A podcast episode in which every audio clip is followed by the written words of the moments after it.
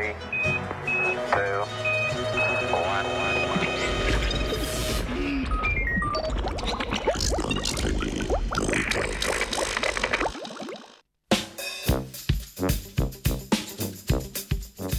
Tresljaji na zahodu.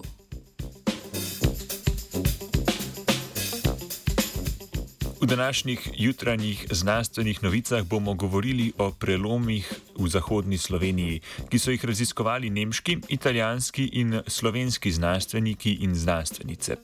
Uspelo jim je najti sledi površinskih pretrgov in jih povezati z močnejšimi potresi ob prelomih zahodne Slovenije v Holocenu. Članek so objavili v reviji Solid Earth.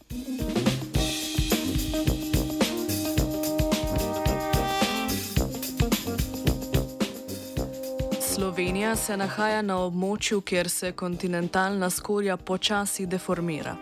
Razlog za deformiranje je premikanje jadranske litosferske plošče proti severu, kjer trči v Eurazijsko ploščo. Ob tem se v zemljini skorji ustvari pritisk. S prostitvijo teh napetosti lahko nastane prelom, mi pa to čutimo kot potres. Občasno se zgodi, da na površju potres tudi vidimo, najpogosteje v obliki odprtih razpok. Temu pa rečemo površinski pretrgi. Znanstvena skupina je svoje raziskovanje omejila na dva preloma: Zahodne Slovenije, Idrijski in Predjamski prelom. To sta desno-zmična preloma, kar pomeni, da se desno krilo preloma pomika relativno v desno v horizontalni smeri.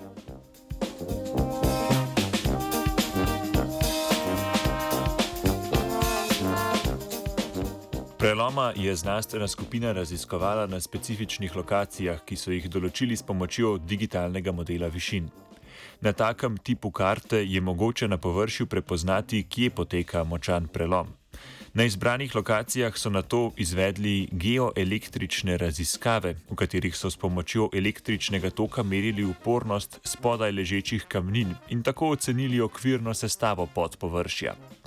Na vsakem prelomu so prečno na prelom izkopali še paleoseizmični jarek. V obeh primerih so v jarku popisali znake potresa, ki jih dodatno potrjuje še oblikovanost površja s površinskimi pretrgi. S pomočjo radiokarbonskega datiranja deformiranih sedimentov so potresom pripisali holocensko starost.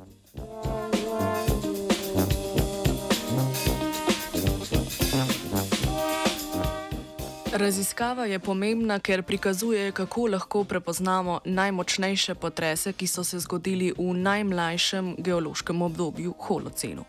S prepoznavanjem močnejših potresov v mlajši zgodovini Zemlje lahko bolje razumemo aktivno tektoniko in deformacijo skorje nekega območja, ter bolj zanesljivo ocenimo možnost geohazarda, ki ga lahko povzroči potres. Zjutraj vas je potresla Lea.